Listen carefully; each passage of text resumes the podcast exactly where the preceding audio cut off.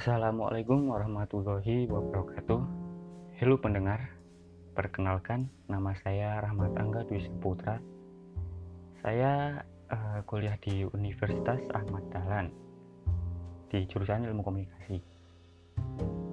Baiklah, pada kesempatan pada hari ini saya akan memberikan ulasan atau uh, sedikit berbicara tentang uh, teori tentang percakapan, yaitu Senti, Uncertainty Management Theory, dan Face Negotiation Theory. Namun sebelum itu saya ucapkan uh, selamat uh, menunaikan ibadah puasa yang beberapa waktu lagi kita akan memasuki uh, Idul Fitri dan jangan sampai bolong ya. Baiklah, langsung kita masuk ke materinya. Yang pertama saya akan membahas tentang uh, Anxiety Uncertainty Management Theory atau biasa disingkat dengan AUM. AUM atau yang dikenal dengan istilah teori kecemasan dan ketidakpastian ini adalah perkembangan dari teori Uncertainty Reduction Theory atau URT oleh Goody Kunz pada tahun 1985. Teori ini berfokus pada pertemuan antara kelompok orang saling berbeda budaya. Kunz dan Hammer menggunakan uncertainty sebagai ketidakmampuan untuk memprediksi atau menjelaskan perilaku orang lain, perasaan, sikap, atau nilai-nilai lainnya. Sedangkan anxiety adalah perasaan tidak nyaman, tegang, gelisah, atau cemas dan kedua hal ini digunakan untuk menjelaskan hubungan antar budaya. Teori Aum menggambarkan ketika seseorang dengan budaya baru saling bertemu, maka akan terjadi kecemasan dan ketidakpastian. Keduanya berada di level yang berbeda. Aksenti berada di level afektif, sedangkan uncertainty meliputi sampai level kognitif. Teori ini mengatakan bahwa ada penyebab dasar dan dangkal terhadap komunikasi yang efektif. Goody Kunz berpendapat bahwa kecemasan dan ketidakpastian adalah penyebab dasar, sedangkan penyebab dangkalnya adalah konsep diri, motivasi untuk berinteraksi dengan orang asing, reaksi terhadap orang asing, kategori sosial seorang atau kategori sosial orang asing, proses situasi hubungan dengan orang asing. Uncertainty dapat mengurangi keefektifan komunikasi, sehingga harus dikelola dengan baik dan lebih rawan apabila komunikasi dengan orang asing yang asing dibanding dengan orang yang berada pada di pada grup itu sendiri. Kemudian saya akan membahas tentang yang dinamakan dengan eh, konsep-konsep dasar uncertainty atau uncertainty management theory. Mohon maaf kalau ada kesalahan ya, soalnya ini uh, bahasanya juga sulit. Saya akan membahas yang pertama disebut dengan konsep diri dan diri. Apakah itu? Ini mengartikan meningkatkan harga diri ketika berinteraksi dengan orang asing akan menghasilkan peningkatan kemampuan mengelola kecemasan. Yang B atau yang kedua adalah motivasi untuk berinteraksi dengan orang asing. Ini mengartikan meningkat meningkatnya kebutuhan diri untuk masuk di dalam kelompok ketika kita berinteraksi dengan orang asing akan menghasilkan sebuah peningkatan kecemasan.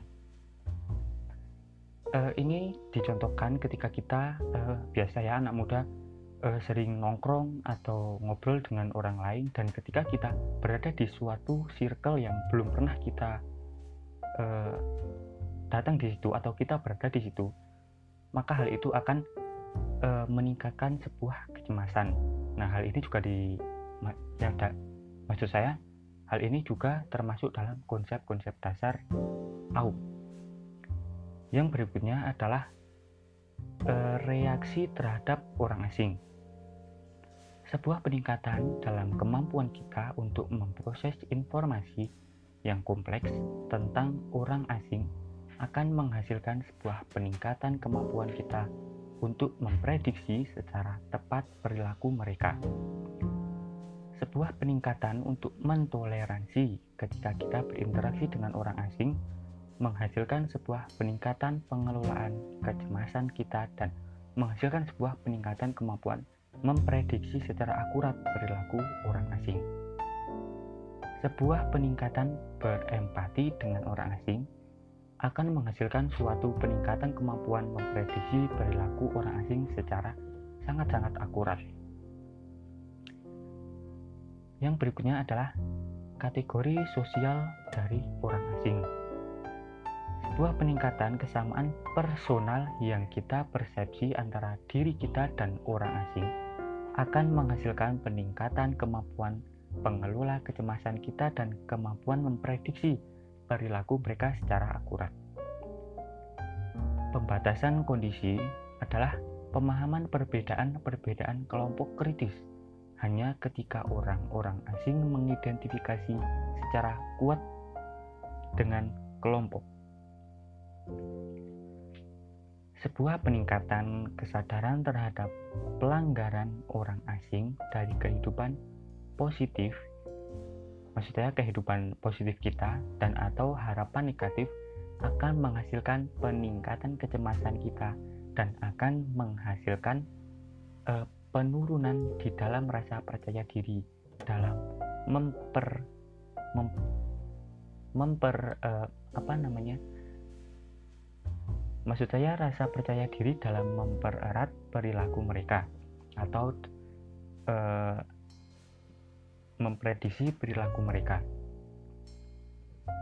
Yang berikutnya adalah uh, proses situasional di mana sebuah peningkatan di dalam situasi informal di mana kita sedang berkomunikasi dengan orang asing akan menghasilkan sebuah penurunan kecemasan kita dan sebuah peningkatan rasa percaya diri kita terhadap perilaku mereka.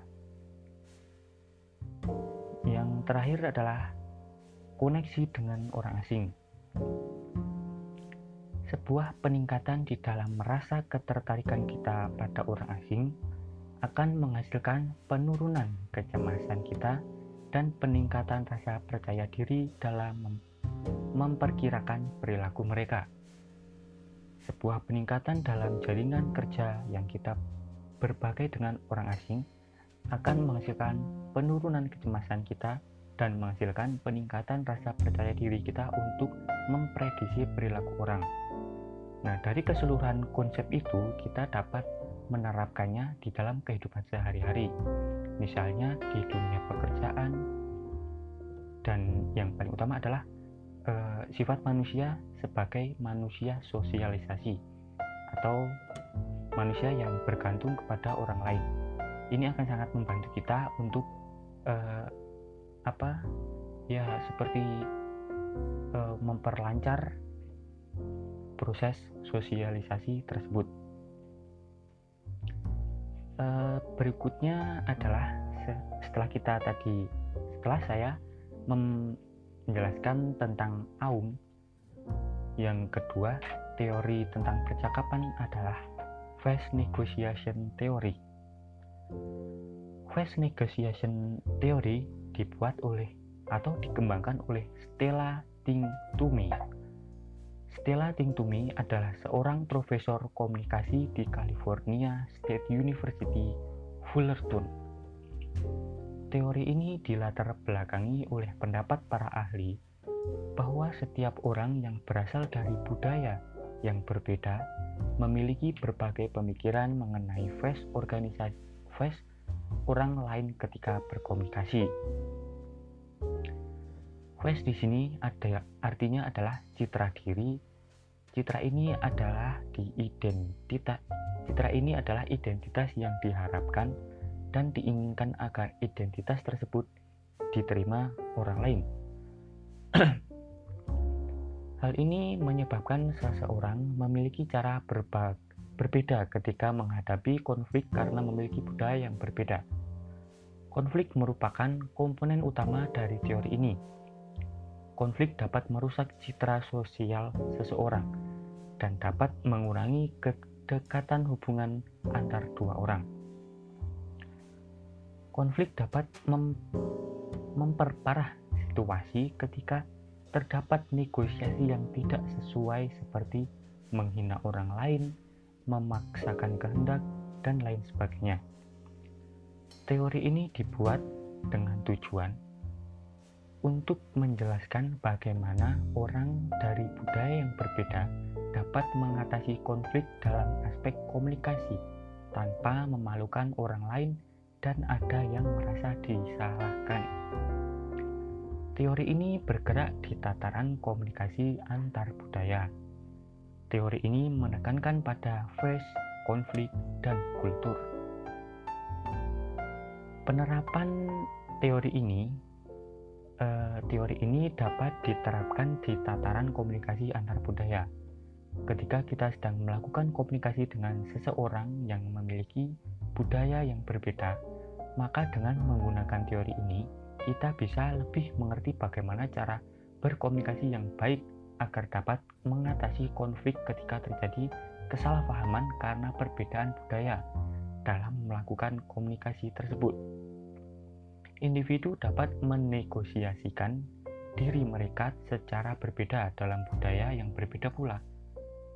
Karena dalam komunikasi antar budaya, gaya yang berlawanan akan menimbulkan konflik di antara pelaku komunikasi. Di samping itu, teori ini juga sangat bermanfaat bagi mediator untuk memprediksi solusi apa yang tepat untuk menyelesaikan suatu konflik atau masalah. Dengan mempelajari teori ini, kita mengetahui cara agar dapat menyampaikan pesan dan e, mengatasi konflik baik verbal maupun maaf, baik verbal maupun nonverbal dengan baik tanpa menyinggung atau membuat orang lain merasa bersalah dan malu. Nah, untuk memperjelas e, teori ini ada sebuah contoh kasus. Contohnya adalah saudara saya adalah korban perceraian orang tuanya. Ayahnya berasal dari Batak dan ibunya berasal dari Jawa. Karakternya sangat berbeda antar dua kelompok budaya ini. Ayahnya cenderung keras dan ingin memenangkan hak asuh anak kepadanya. Namun, ibunya cenderung mempertimbangkan pendapat keluarga dan memilih kondisi anak-anaknya. Dalam persidangan saat itu, ayahnya benar-benar mempertahankan apa yang diinginkannya lewat argumennya. Hakim yang menjadi mediator mencoba untuk menengahi permasalahan ini.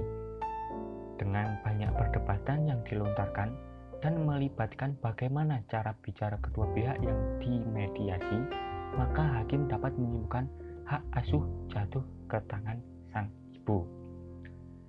Ya, seperti itulah uh, kedua teori dalam teori tentang percakapan.